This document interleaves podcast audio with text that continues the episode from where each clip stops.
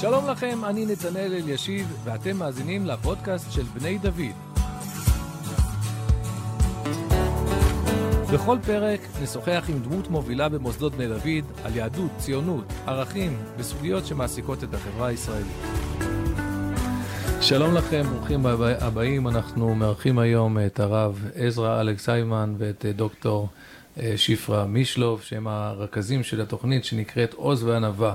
כמה מילים מקדמיות ו... אה, אה, ונפתח בשיחה. התוכנית עוז וענווה היא תוכנית שנועדה לתת איזושהי העשרה אמונית עבור סטודנטים, שבעצם למה אני צריך להסביר את זה? אולי נשמע מכם, קודם כל על התוכנית, למי היא נועדה, במה היא עוסקת. היא נועדה לסטודנטים אה, במקצועות אה, משפטים, פק"ם. אה, פק"ם למי שלא יודע. פילוסופיה, כלכלה, מדעי המדינה. ועוד תחומים שקשורים למדיניות ציבורית, עשייה ציבורית, גם תחומים קצת של פסיכולוגיה וסוציולוגיה. מדעי החברה והרוח. ב... כן, מדעי החברה בעיקר, פחות רוח, יותר מדעי החברה. אפשר לומר. המקומות שבהם אנחנו רואים אה, אג'נדות, אג'נדות אה, תרבותיות שונות שמופיעות בתוך מדיניות ציבורית. זאת אומרת, אנחנו כאנשים שאכפת לנו מהמדינה, אז היינו אה, עסוקים הרבה שנים ואנחנו ממשיכים להיות עסוקים פה בבני דוד, בחיזוק צה"ל ובהשתלבות בצה"ל. אבל uh, מסתבר שהחיים uh, לא מסתכמים בכוונת של הרובה, יש uh, uh, ממשלה ומדיניות, ובתוך uh, זה, אז אנחנו מבקשים, uh, מבקשים להשתלב. ולעשות מה? מה הערך המוסף של התוכנית? מה, מה המטרה שלה?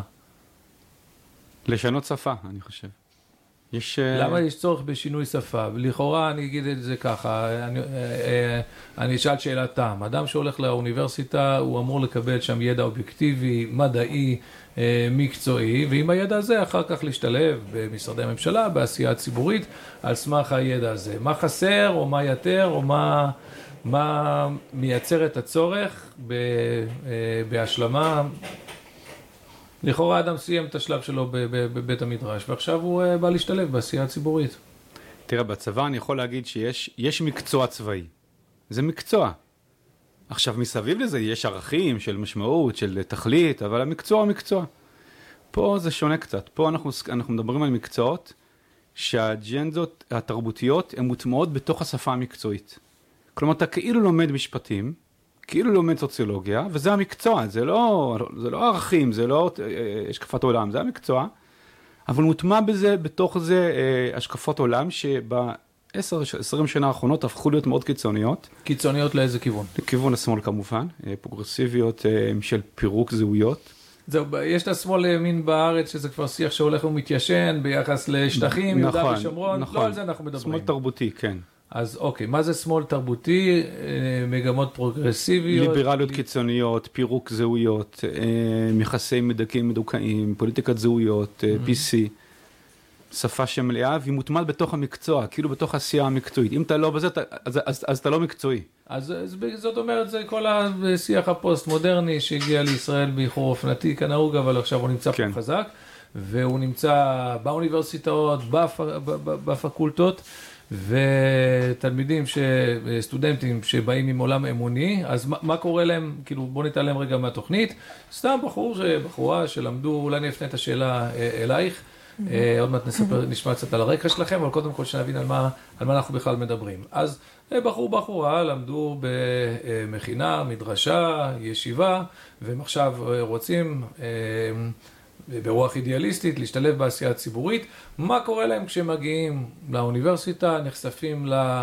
אה, ללימוד, אני לא אגיד חינוך, כי זה לכאורה לא חינוך, זה, זה לימודים, אבל אתם אומרים שבתוך הלימודים יש אה, כל הזמן מטען תרבותי ערכי. מה, מה, מה קורה להם?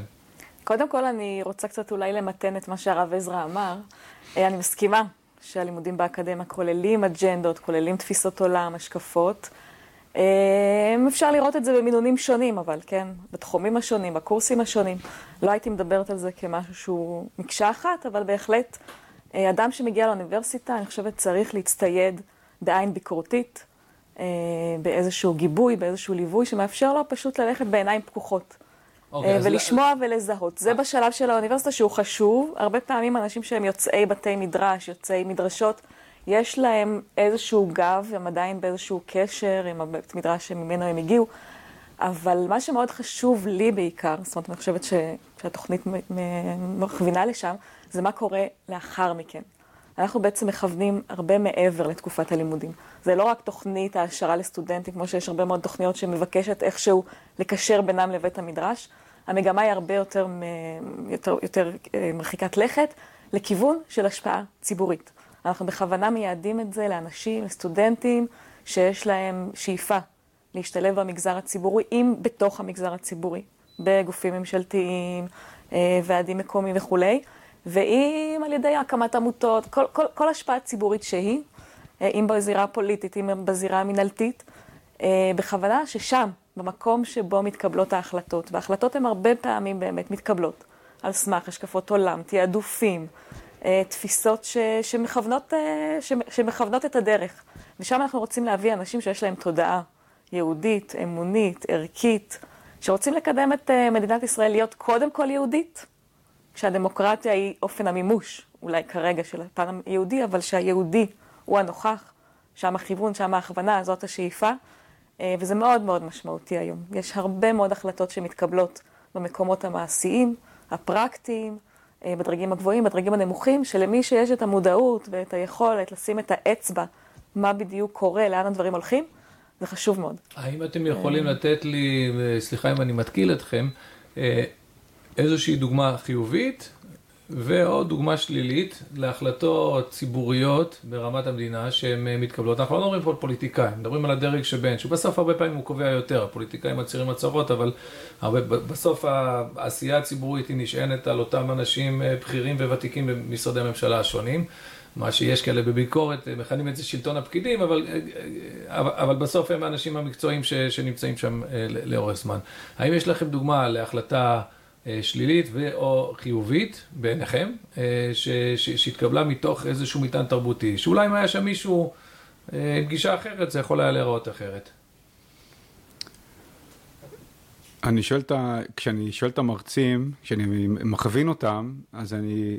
אחת השאלות שאני שואל, תלוי מה הנושא, אבל כשהנושא הוא נוגע בסוגיה לאומית, אני שואל, תגיד לי, האם מותר להפעיל שיקול לאומי כשאתה בא להתעסק במשילות, באכיפת החוק, בסוגיות משפטיות? האם בעולם המשפט היום מותר להפעיל שיקולים לאומיים? שאלתי את גידי ספיר את השאלה הזאת, ואתה קולט שלא, שלא, זה כאילו, זה מחוץ למשחק. ואז גם, גם אם אדם בא והוא ציוני, הוא אומר אני ציוני. שיקול לאומי כמו עלייה, דמוגרפיה, או תפיסת קרקעות, כן, או רצף יהודי, או למשל, דברים, דברים כן, כאלה. כן. אלה, אלה בעצם מונחים שהם פסו מה, מהעולם. כן. נשארנו עם זכויות הפרט, שזה דבר חשוב בפני עצמו, כן. אבל אין את האיזון. כן. הרי חוק הלאום הוא בא ליצור כן. את האיזון הזה, מתוך כן. הבנה שיש לנו חוקי יסוד שמגינים על זכויות, מעגנים את זכויות הפרט, אבל אין איזה, צריך לעשות תזכורת פה למה ש... הרי כל הזמן אמרו, זה מובן מאליו, ברור שאנחנו מדינה יהודית, אבל עובדה שברגע שהכריזו על זה כעל חוק יסוד, אז פרצה פה כן. מהומה. כן. תמיד כשאדם אומר את ה... כשמישהו אומר דבר שהוא אמור להיות מובן מאליו וכולם צועקים, אז, אז uh, סימן. שכנראה שזה לא כל כך מובן מאליו. כן, ואני רוצה לחדד שמה שכאן מבלבל, זה שאדם כמו אה, אהרון ברק או קרמניצר יגידו, אני ציוני, אני מאמין לו, אבל אני לא מאמין, אני, אני, אבל אני חושב שבאותה מידה, הוא, ב- הוא בהלכה למעשה, הוא ציוני בביתו, ולא ציוני בעבודתו. כלומר, בעבודה שלו אין, אין לו ש... לא נכנסת לדלת של העבודה שלו, בהקשר, זה הבעיה. בהקשר הזה, אני, אני חושבת שאנחנו צריכים להיזהר, אני רוצה קצת לבקר את מה שהרב עזרא אומר פה. חשבתי על זה הרבה בזמן האחרון, שאנחנו צריכים להיזהר גם לא לגנוב מהאנשים האלה את, את, את התחושה הציונית האותנטית, זאת אומרת, ולא לנכס את זה לעצמנו. כי, כי, כי צריך להיזהר פה, אנחנו הולכים פה על חבל דק, שבסוף לא יצא שיצא שכרנו בהפסדנו, ואנחנו נציגי הציונות, היהודיות, הלאומיות, והם שנאבקו בידיים להקים את המדינה הזאת. חלקם, אנחנו מדברים ביום השואה, ניצולי שואה שבאמת מרגישים בעומק נפשם את הקשר כן, לפה. אצל אהרן ברק במיוחד, ו- הסיפור כן, שלו שהוא אה, בדיוק. ניצול על ידי אה, אה, גויים באזור חווה, כן. הוא- נכון? הוא- כן, ומבחינתם קידום תפיסת העולם שלהם היא לאו דווקא אנטי-ציונית, היא דווקא להפך, היא באה לחזק את המדינה הזאת, להיות יותר ליברלית מבחינתם. שוב, יותר חזקה, יותר אור לגויים אפילו. אז צריך פה להיזהר, אנחנו לא מסכימים, אבל לא להשמיט את הקרקע מתחת למוטיבציה האידיאליסטית שלהם. אז פה אולי אנחנו אה, אולי קצת אה, שונים אחד לשני בגישה, כי אני מרגיש ש... ש... אני מרגיש ש... זה לא שאני חושב שהם מתכוונים לרע, אבל אני חושב שיותר ויותר הם הלכה למעשה מכוונים לפירוק הפרויקט הציוני. לא, הם הלכה. למעשה מובילים אותנו לשם, כלומר מובילים אותנו למקום במדינה ש... כל אזור- אתה מתכוון כן, למדינה לכל כל אזרחיה אזרחיה. ואפילו יותר קיצוני מזה. אגב, האמת היא, עכשיו יש את הסדרה הזאת, איך זה נקראת, אה, של שיחות וראיונות עם אה, שופטי בית המשפט העליון. כבודו, משהו.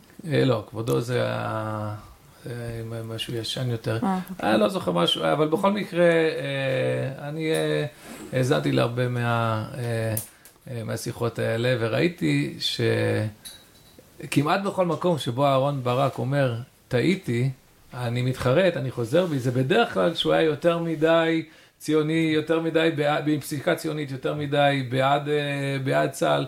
רוב החרטות שלו הם, הם, הם, אה, בתחום הזה. לעומת זאת, איפה שהיו לו פסיקות אה, ליברליות, מרחיקות לכת לפעמים, לא שמעתי על זה.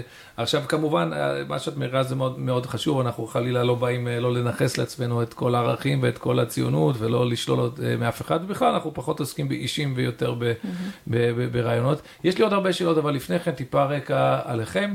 אה, נתחיל ממך, הרב אה, עזרא, אני, אה, לא, אין, זה השיחה ה-24 שאנחנו מקיימים פה בהסכתים, אין הרבה אנשים שאני יכול אבל להעיד שאני זוכר אותם ממש מילדותם המוקדמת. כן. אז, נכון, זה- אנחנו מכירים עוד מרעננה מילדותנו. נכון, ואחיך אה, היה בן כיתה שלי ו, וחבר וידיד עד היום.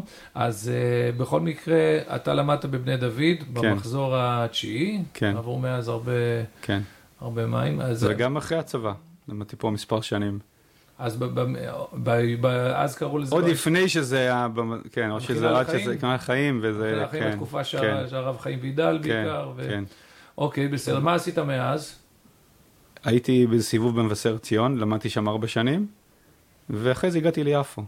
ואני כבר בערך שמונה שנים מלמד ביפו, זהו, בישיבת יפו. בדיוק רציתי להגיד, אתה יודע שלא לכל המאזין, ברור שכשאומרים אחרי זה הגעתי ליפו, הכוונה היא לישיבת יפו. כן. אז ישיבת אה, אז באמת הגעתי יפו. ליפו, גם לא רק לישיבת יפו. יפו זה מקום מאוד, אה, יש בו את כל האג'נדות הכי פרוגרסיביות, הכי כאילו, אתה פוגש את זה גם ביפו, לגמרי.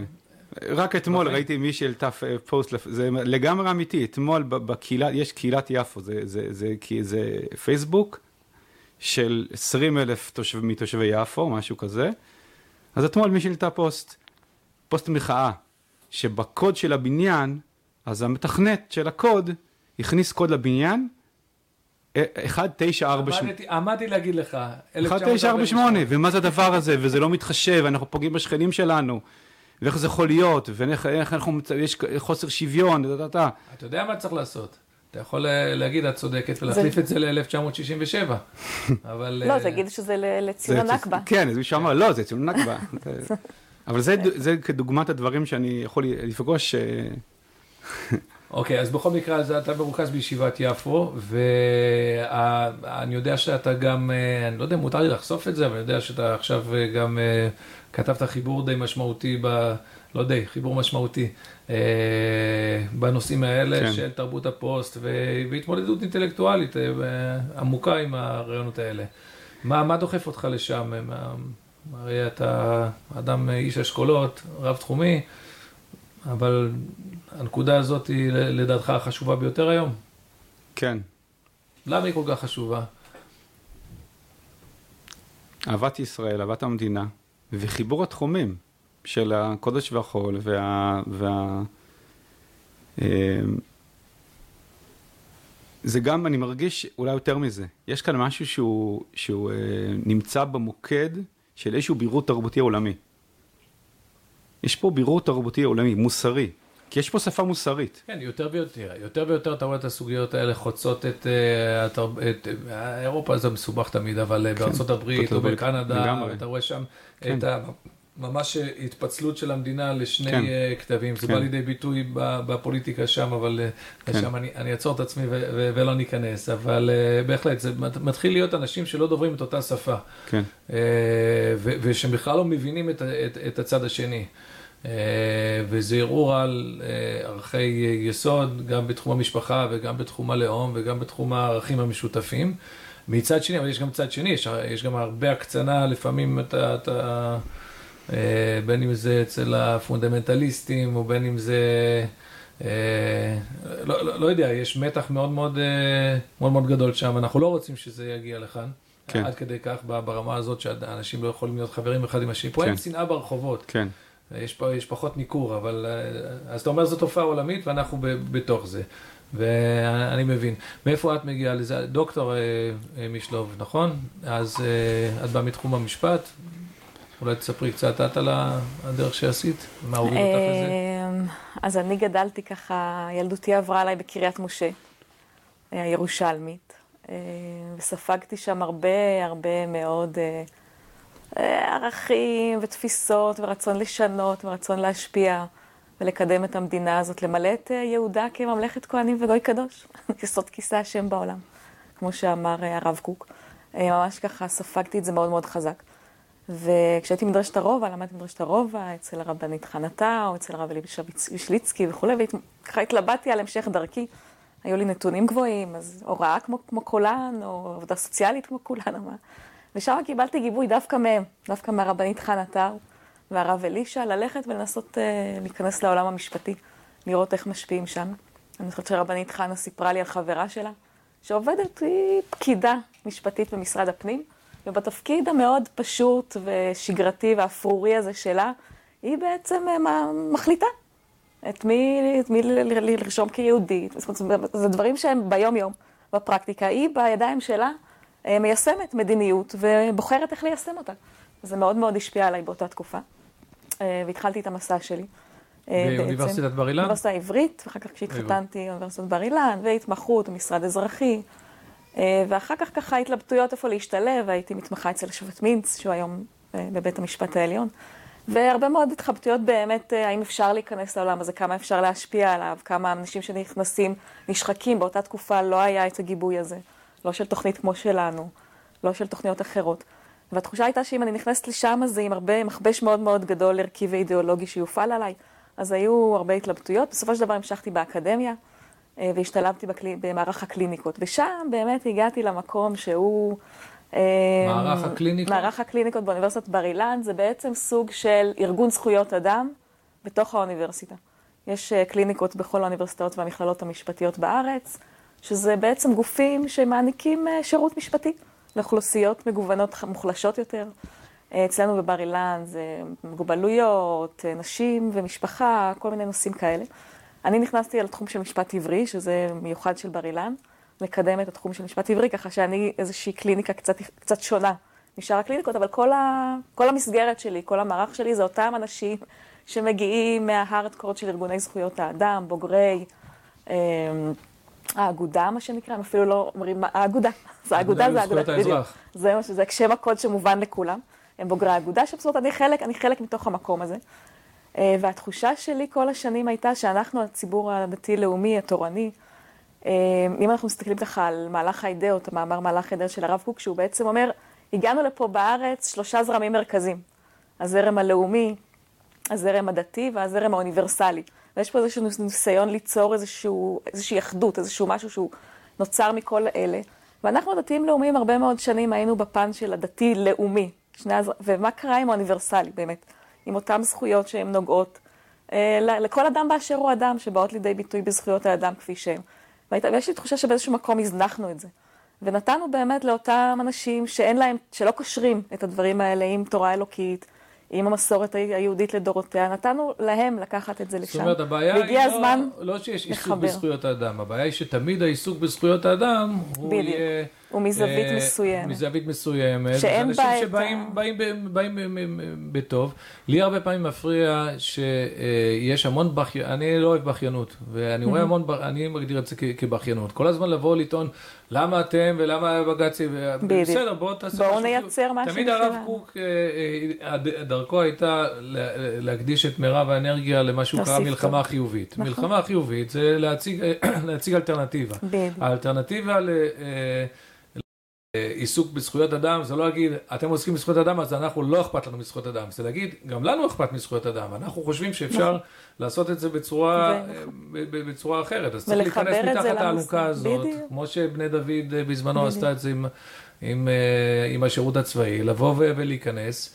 אבל פה אנחנו מגיעים בדיוק. ל- ואני רוצה דרך אגב לציין שאני, ש, שהחברים שלי, שאני עובדת איתם שנים, באמת, זה אנשים טובים, אנשים ערכיים, אנשים אידיאליסטים, שבאמת מאמינים עד הסוף. זה, זה, אלה, זה החיים שלהם, מקדישים את, חייהם לדבר הזה. וזה גרם לי להבין באמת, לשנות את זה, לא, לא, לא לשלול, ולא להרגיש כזה, כן, ש... נראה לי שכל המאזינים פה בדיוק. שמו לב לניגון קצת שונה, שהיה לך אני חשוב כן. גם קודם, רגע, רגע, לא כן, לא להכפיש אנחנו- או לא. להוציא... לייצר משהו שהוא לוקח את הדברים החיוביים, מנפה את האמוץ מהתבן, ומראה איך אנחנו מחברים את זה למוסר אלוקי, לשלשלת הדורות, למסורת של הדורות. מאלצים את תלמידי החכמים לבוא ולתת את התשובות. את ככה. ממש מכניסה אותי, אז אם ככה, לשאלה הבאה שאני אפתח אותה לשניכם. הרבה פעמים, אנשים שעוסקים בתחום הזה, בדרך כלל מרחוק, הם נותנים לזה איזשהו ניחוח מאוד קונספירטיבי. של אה, ארגונים שעושים יד אחת כדי לשנות את צביונה של, ש, ש, של המדינה. אה, ש... והשאלה איך זה מצטייר אצלכם, האם באמת יש פה איזשהו מוח אחד מארגן, אה, לא של אדם בודד, אבל ש... שבעצם מוביל את כל השינוי הזה? כי הם אומרים, הנה עובדה, לפני 10-20 שנה, נגיד אה, ערכי משפחה ומעמד הלהט"בים ו- ו- וכולי, אתה רואה שלפני 10-20 שנה רוב החברה הישראלית הייתה במקום אחד, ועכשיו היא במקום אחר לגמרי, זה לא קרה סתם, זה, משהו דחף את זה. מה שמעניין אותי, איך אתם תופסים את זה, כמי שעוסקים בנושא הזה, האם זה מאמץ באמת מכוון, ממומן, מאורגן, או שאולי זה מין אה, רוח התקופה, זאת אומרת, אה, אה, דברים, כמובן שיש בתוך כל זה ארגונים. כמה זה מאורגן, וכמה זה ביצא העגל הזה, פשוט טרנדים שיש בתרבות ובחיים. נראה לי שהעיקר זה רוח התקופה. זה, זה נכון שיש ארגונים ויש גם אנשים שבכוונה לוקחים אותנו למקום של לפרק את זהותנו הלאומית. זה נכון, אבל אני חושב שזה לא העיקר. הכוונה, העיקר האנרגיה מגיעה מזאת שיש איזו רוח כזאת, שכאילו מבחינה מוסרית זה לא לגיטימי להמשיך להיאבק מאבקים לאומיים. והרוח הזאת היא נותנת איזושהי רוח גבית למאבקים האלה, לאג'נדות האלה. ולכן אני חושב, הדבר העיקרי פה זה תודעה ושפה. זה לא, זה, זה שעכשיו, זה שיש ארגון עד כאן שחושף כל מיני דברים שקורים מאחורי הקלעים, זה מעולה. זה אחלה דבר, זה מעולה. אבל אני חושב שלחבר'ה שלנו, שהולכים למקומות האלה, העיקר זה תודעה ושפה. אם יש לך תודעה ושפה, אתה מסוגל לייצר דיבור אחר ולשנות את הרוח הזאת, כי בסוף העיקר זה רוח. אז אתה מזכיר לי עכשיו, באותה סדרה שדיברתי עליה על בית המשפט העליון, היה ראיון עם השופטת בדימוס דורית בייניש, והיא פסקה, ופה תקני, זה תחום שלך, תקני אותי אם אני טועה, אבל היא פסקה שאין מקום לאלימות נגד ילדים, גם לא אלימות קלה, אסור להכות ילדים. ובעצם היא פסקה את זה משום מקום, זה לא כתוב אה, בשום מקום. הסיפור הזה של, אה, אז קודם כל בוא, בוא, בוא האמת היא הסוגיה הזאת בכלל לא מעניינת אותנו, אבל גם אם כן, אני, אנחנו לא מדברים פה על אלימות קשה חלילה, אנחנו מדברים על, אה, כמו שהיה מקובל בעולם במשך הרבה זמן, אה, אה, לא יודע.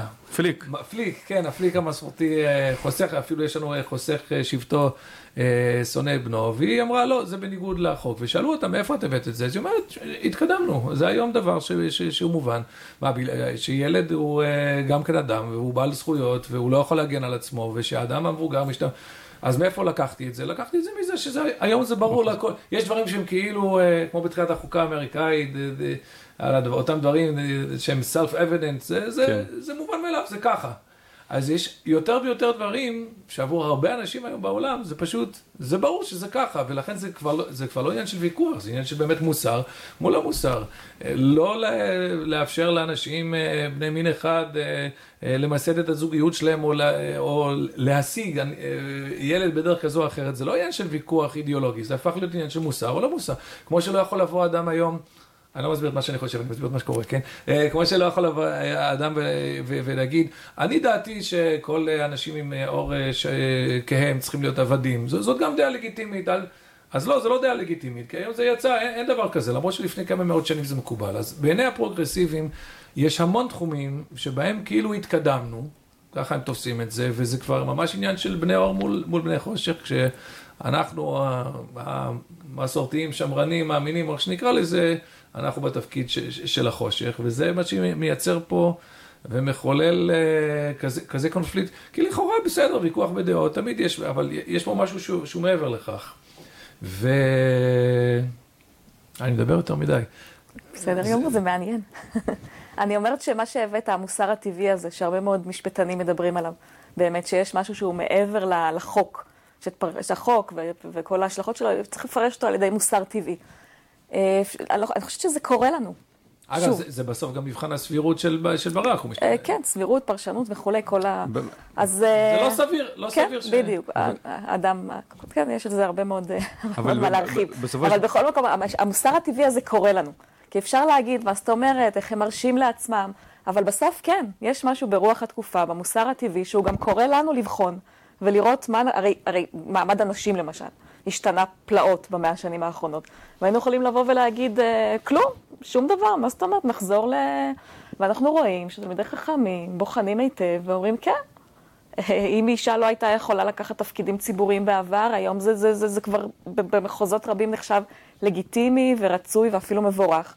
כי יש משהו שאנחנו בוחנים, המוסר הטבעי הוא חלק מהמציאות שפוסק מסתכל עליה ואומר, בוא, בוא נעשה ברירה מאוד מאוד מושכלת, מאוד זהירה, איפה זה באמת, איפה, איפה זה נכון לבחון את זה ולקבל. לכן, אני אומרת, זה, גר, זה, זה גרוע מאוד שאנשים שיושבים שם ומפרשים ומכילים את אותו מוסר טבעי, הם אנשים שאין להם את הזיקה לאותם מקורות. אבל להגיד שזה משהו שהוא לחלוטין לא לגיטימי, כל פרשן, כל משפטן, משתמש בכל הסל שברשותו כדי להצליח לעשות את המלאכה המורכבת שלו. אז, אה, אז צריך להבין את זה ולהבין את המורכבות שיש בבחינה הזאת, ולבוא ולהיות שם בחזית. לתת את המענים. זה... כן, יש גם בתוך בית המדרש, mm-hmm. גם אצל תלמידי חכמים אה, אה, ואת בית מדרשו של הרב קוק, יש מתח מסוים בין אה, שני הכיוונים האלה. של אה, איפה אנחנו אה, בעצם בתהליך של בירור, של למצוא את הגרעין הטוב שיש בשורש הדעה השנייה ואותה לרומם, ואיפה יש פה דברים שהם כבר, הם, זה כבר לא שם, זה ברמת זהו. ה... אני אגיד מה זה, זה, ופה אני מסכים שיש אנשים שבאים כי באמת יש להם אהבת אדם, באמת בלב שלהם, ומתוך זה הם פועלים מתוך איזה רוח אוניברסלית של אהבת אדם. אבל יש גם משהו אחר. משתמשים בשפה מוסרית כדי לפרק. כלומר, באמת, יש, אתה פוגש הרבה מצבים שזה לא באמת אה, שפה ליברלית אוניברסלית. זה מחופש. שלא, כן, זה, זה, זה רק השפה שמשתמשים בה כדי לחתור תחת הזהויות. ויש המון דוגמאות לזה, גם בתחום המגדרי-משפחתי וגם בתחום הלאומי. לכן לא, לא, להיות נאיבים זה לא נכון לי שנהיה נאיבים, ואני גם מבדיל בין מה שקורה לאדם בנפש הפרטית שלו לבין מה שקורה בתוך המרחב של המאבקים הציבוריים. וצריך אה, לראות את הדברים נכוחה כמו שהם, ואני לא, לא מבטל את זה שבשורש אמ, לא היה, לא היה לדבר הזה כוח אם לא היה פה אג'נדה מוס, אה, ליברלית, אוניברסלית, כלומר יש כאן משהו שוודאי שצריך להתמודד איתו במישור הערכי המוסרי. אבל לא לחשוב שכל מי שפועל בשם זכויות אדם באמת הוא כזה אוהב אדם. לא, יש פה גם משהו שהמטרה שלו זה פירוק ואמצעי זה מוסר. כן, לא, אני מסכימה לגמרי, וצריך גם לזהות ולהיות מאוד בהיר ומאוד ברור. זה, זה מאוד... אם כי גם המגמה הזאת של הפירוק, הרי גם בתוכה חיפוש גדול של חופש יש בה.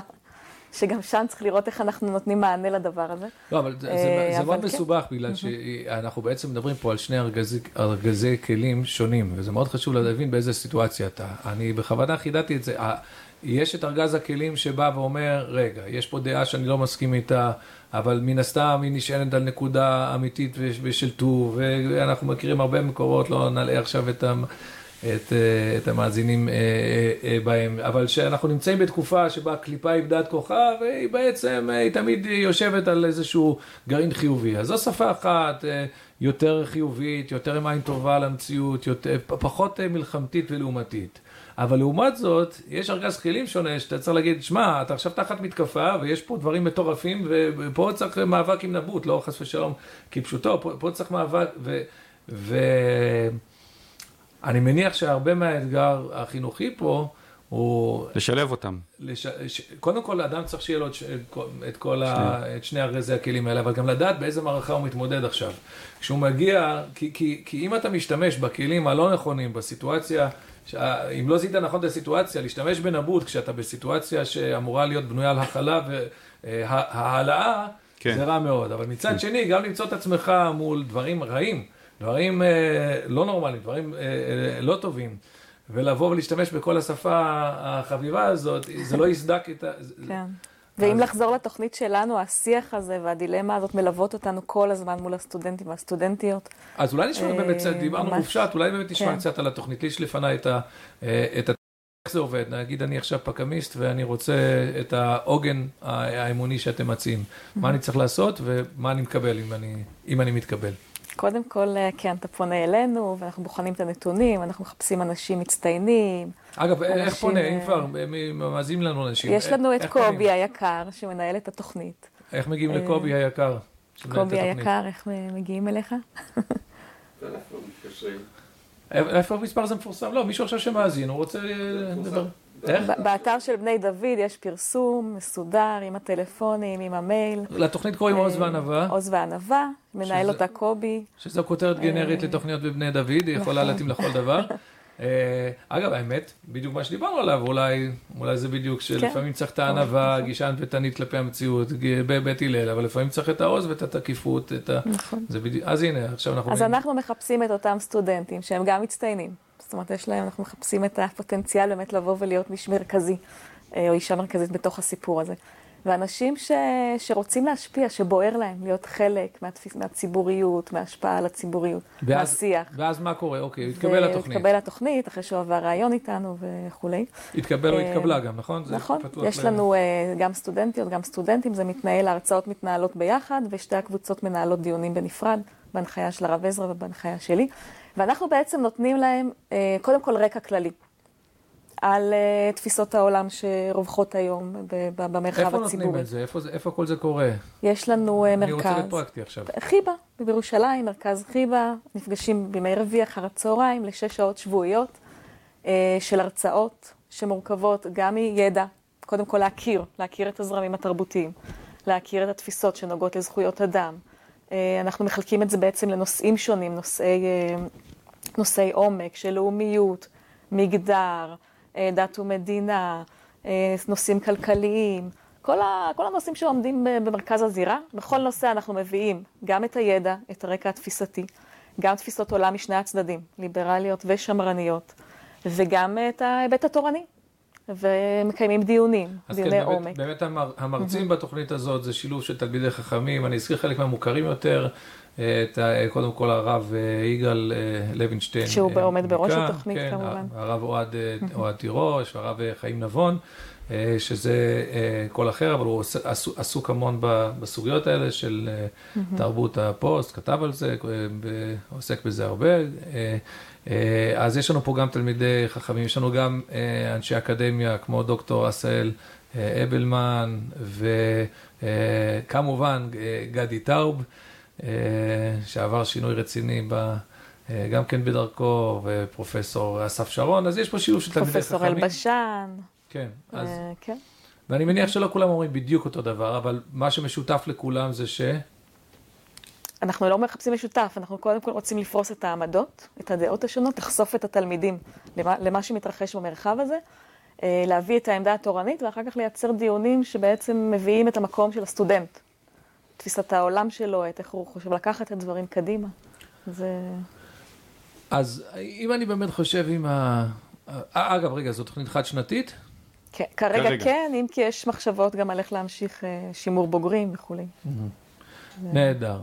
עכשיו אני מנסה לחשוב, אם, אם אני עוד פעם אה, משווה את זה לא, לאותה מהפכה שקרתה לפני 30 שנה עם כניסה והשתלבות בצה"ל, אז אה, לפי מה שאתם אומרים ולפי מה שאנחנו מכירים, השתלבות במגזר הציבורי היא, היא, היא תהיה מורכבת יותר, בגלל שכמו ש, שאמרת קודם, הרב עזרא, אז צה"ל, לפחות בבסיס ובגרעין, גם שם יש לפעמים חיכוכים בסוגיות של חינוך, ו... כן. אה, אבל, אבל בסוף המהות של, ה, של, של הצבא היא, היא ברורה, צבא לוחם, ו, וקל יותר למצוא את המחנה המשותף. כן. עכשיו אני חושב, אותו בן אדם שהוא בוגר אה, מצד אחד של הלימודים, כדי להשתלב, הוא צריך את התואר שלו, והוא בוגר הלימודים הרגילים, הוא לפחות נחשף לה, אה, לאג'נדות ולרוחות שמנשבות שם.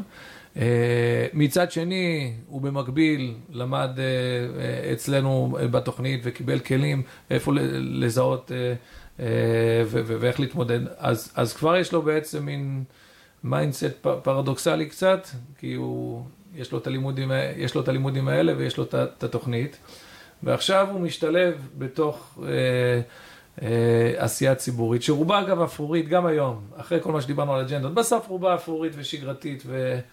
אז הוא נכנס לשם בתודעה, מה יותר חזק אצלו, ההשתלבות או ה...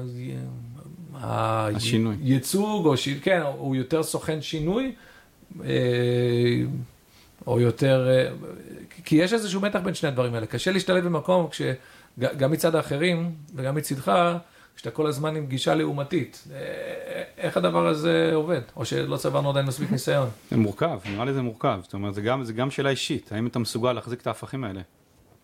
ואם לא, אז אתה צריך להסיק מסקנות, ולא לשתף. אלא לראות אם אתה מסוגל... כן, אבל אתה לא בונה את התוכנית הזאת כדי לשכנע מישהו אה, איך, אה, בסוף אל תשתתף. לא, אני. יש אופנים שונים, למשל, יש להשתלב בתוך מערכת ויש מחוץ למערכת, יש עמותות, עמותת רגבים. זה היא לא צריכה להשתלב בתוך, היא פועלת בעשייה ציבורית מאוד ברורה. אמ, ושוב, למרות שרוב האנשים מוכוונים למגזר ציבורי, יש גם אנשים שדרך המגזר הפרטי עושים דברים מאוד יפים בתחומים האלה. היה אצלנו עורך דין הראל ארנון שהוא אה, עורך דין פרטי. שמייצג את הממשלה. שמייצג את הממשלה. אז עורך דין הראל ארנון, אני מקווה שנקיים גם איתו הסכת, אבל הוא אה, בוגר של בני דוד, הוא עילוי בתחום המשפטי, גם ייצג את הממשלה כש... כן. שהייעוץ המשפטי לא, לא רצה לייצג, כן. אבל הוא באמת דוגמה לאדם שלא הלך למגזר הציבורי, הוא לא הלך לפרקליטות, הוא עשה קצת שימוש אה, אצל... בבית המשפט העליון, אבל כן. הוא בסוף הלך למגזר הפרטי. והוא פועל, ומשם הוא מצליח לעשות כל מיני דברים מאוד מאוד מיוחדים, יפים. לא, אני חושבת שהשאלה הזאת היא שאלה מעולה, שבאמת אנחנו נצטרך לבחון אותה במשך השנים. אנחנו בעצם מתחילים פה מהלך. אה, היא גם עולה בינינו בתוך, בתוך קבוצות הדיון. אני תמיד אומרת לבנות, אם אתן רוצות להמשיך ולשמור על עמוד שדרה בתוך מערכת כל כך שגרתית, אה, כל כך אפרורית באמת, צריך, זה, זה צריך להיות משהו מתמשך, של איזשהו גיבוי, של איזושהי תמיכה תורנית שעומדת שם ברקע.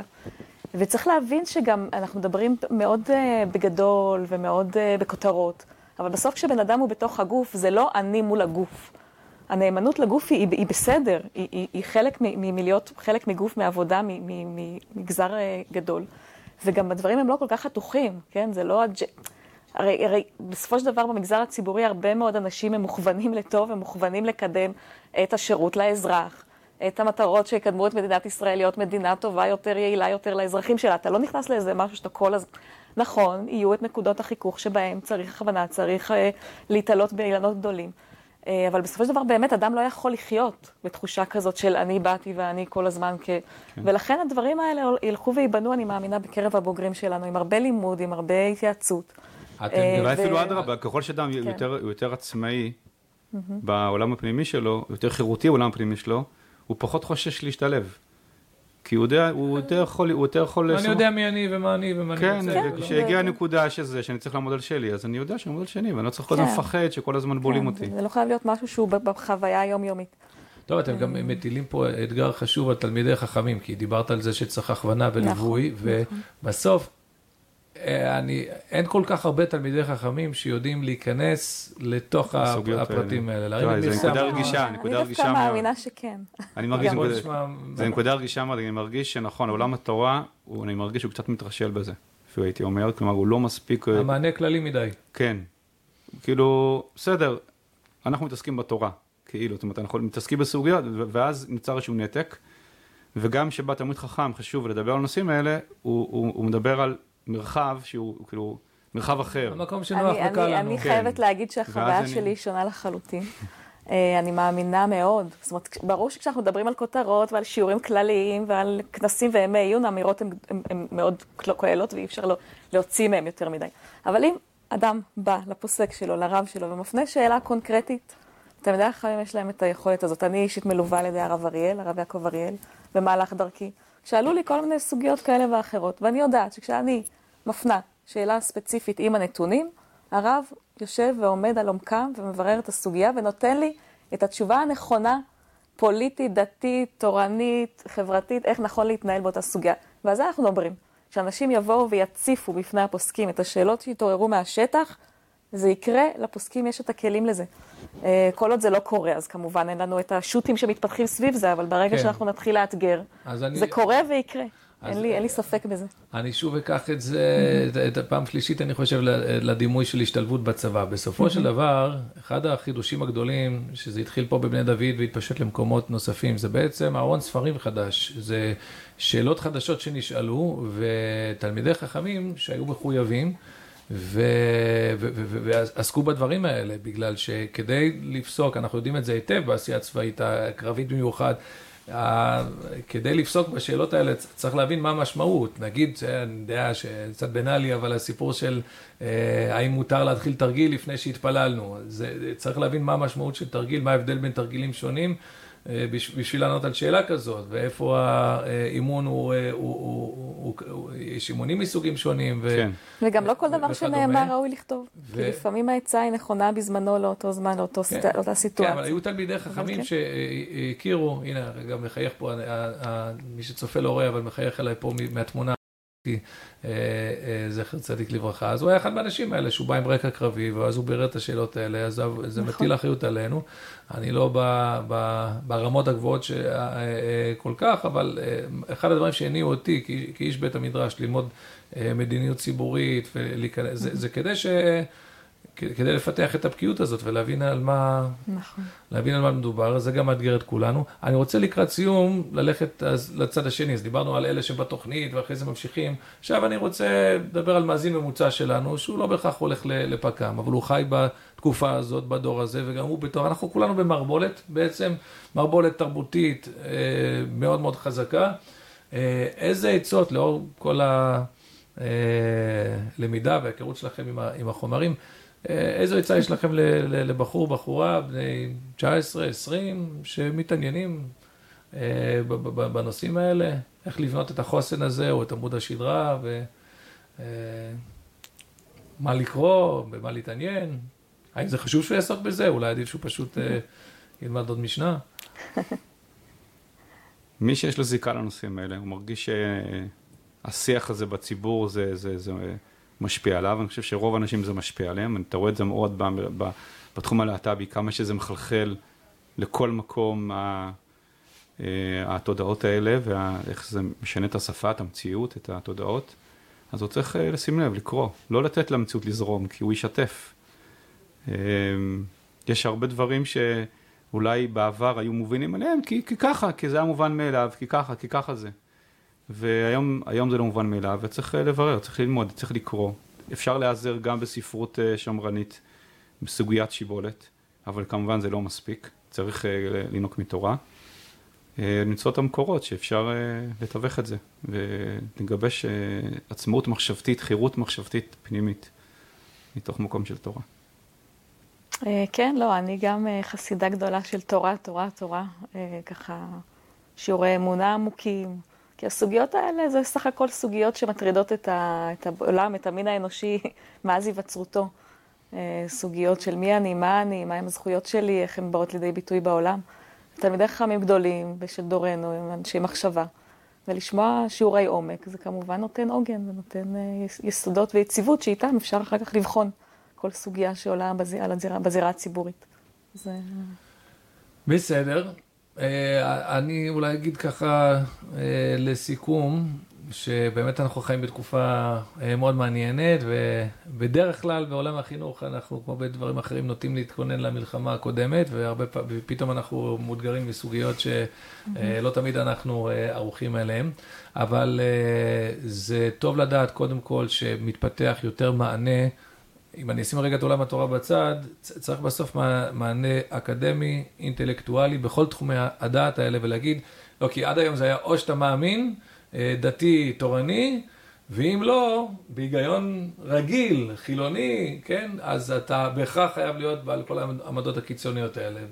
ובשנים האחרונות המחנה השמרני מתעורר ואומר, לא, סליחה, גם לפי המחשבה הפשוט, הרציונלית, הלא דתית, כן, זה, זה לא חייב להוביל דווקא למחוזות האלה. אז זה חשוב לבנות את החלופה הזאת, וחשוב גם לבנות את הגשר הזה לאנשים שיש להם את הערך המוסף האמוני. והייתי רוצה אולי לסיים במילה גם של תקווה ושל עידוד, כי לא, כי מי שער באמת, אפילו לא, לא נגענו בחצי מזה, מי שער באמת למה שקורה, לפעמים אנשים מגיעים לידי ייאוש, וכאילו הכל פה מטורף, והמדינה מתפרקת, וכל הזהויות מפורקות. צריך לזכור בסופו של דבר שאלוקים עשה את האדם ישר. הנורמליות אה, מנצחת, יש תנועות של מטוטלת במציאות, ותמיד כשרואים שמשהו הולך יותר מדי למחוז קיצוני, בסופו של דבר אנחנו גם, אה, גם, גם זה יחזור. אבל התפקיד שלנו זה להקדים את זה יותר ולתת את הכלים, להיות אלה שמודדים רוחנית בדרך, רוחנית, אינטלקטואלית, לתת את הכלים, כדי שנגיע בסופו של דבר לאיזון הנכון. אז אני מודה לכם על. המסירות שלכם בתחום הזה, ואני קורא לכל מי שזה מעניין אותו, יכול uh, לפנות ולהתחבר אל התוכנית, עוז וענווה. תודה רבה לכם, בהצלחה. תודה רבה. תודה. תודה. עד כאן הפרק שלנו, תודה שהאזנתם להסכת של בני דוד. אתם מוזמנים לשתף את הפרק עם חברים, נשוב ונשתמע בפרק הבא.